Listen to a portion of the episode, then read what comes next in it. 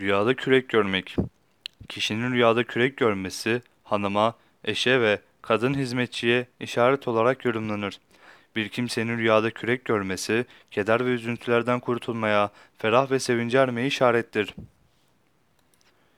Bekar kimselerin rüyada demir kürek görmeleri, evliliğe, evlenip temiz bir yuva kurmalarına işaret olarak yorumlanır demişlerdir.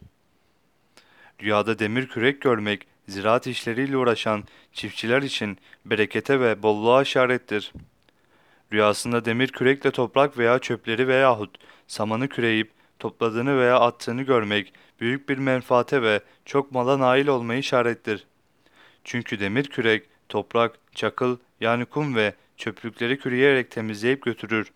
Toprak da çöplük de mala işaretle yorumlanır.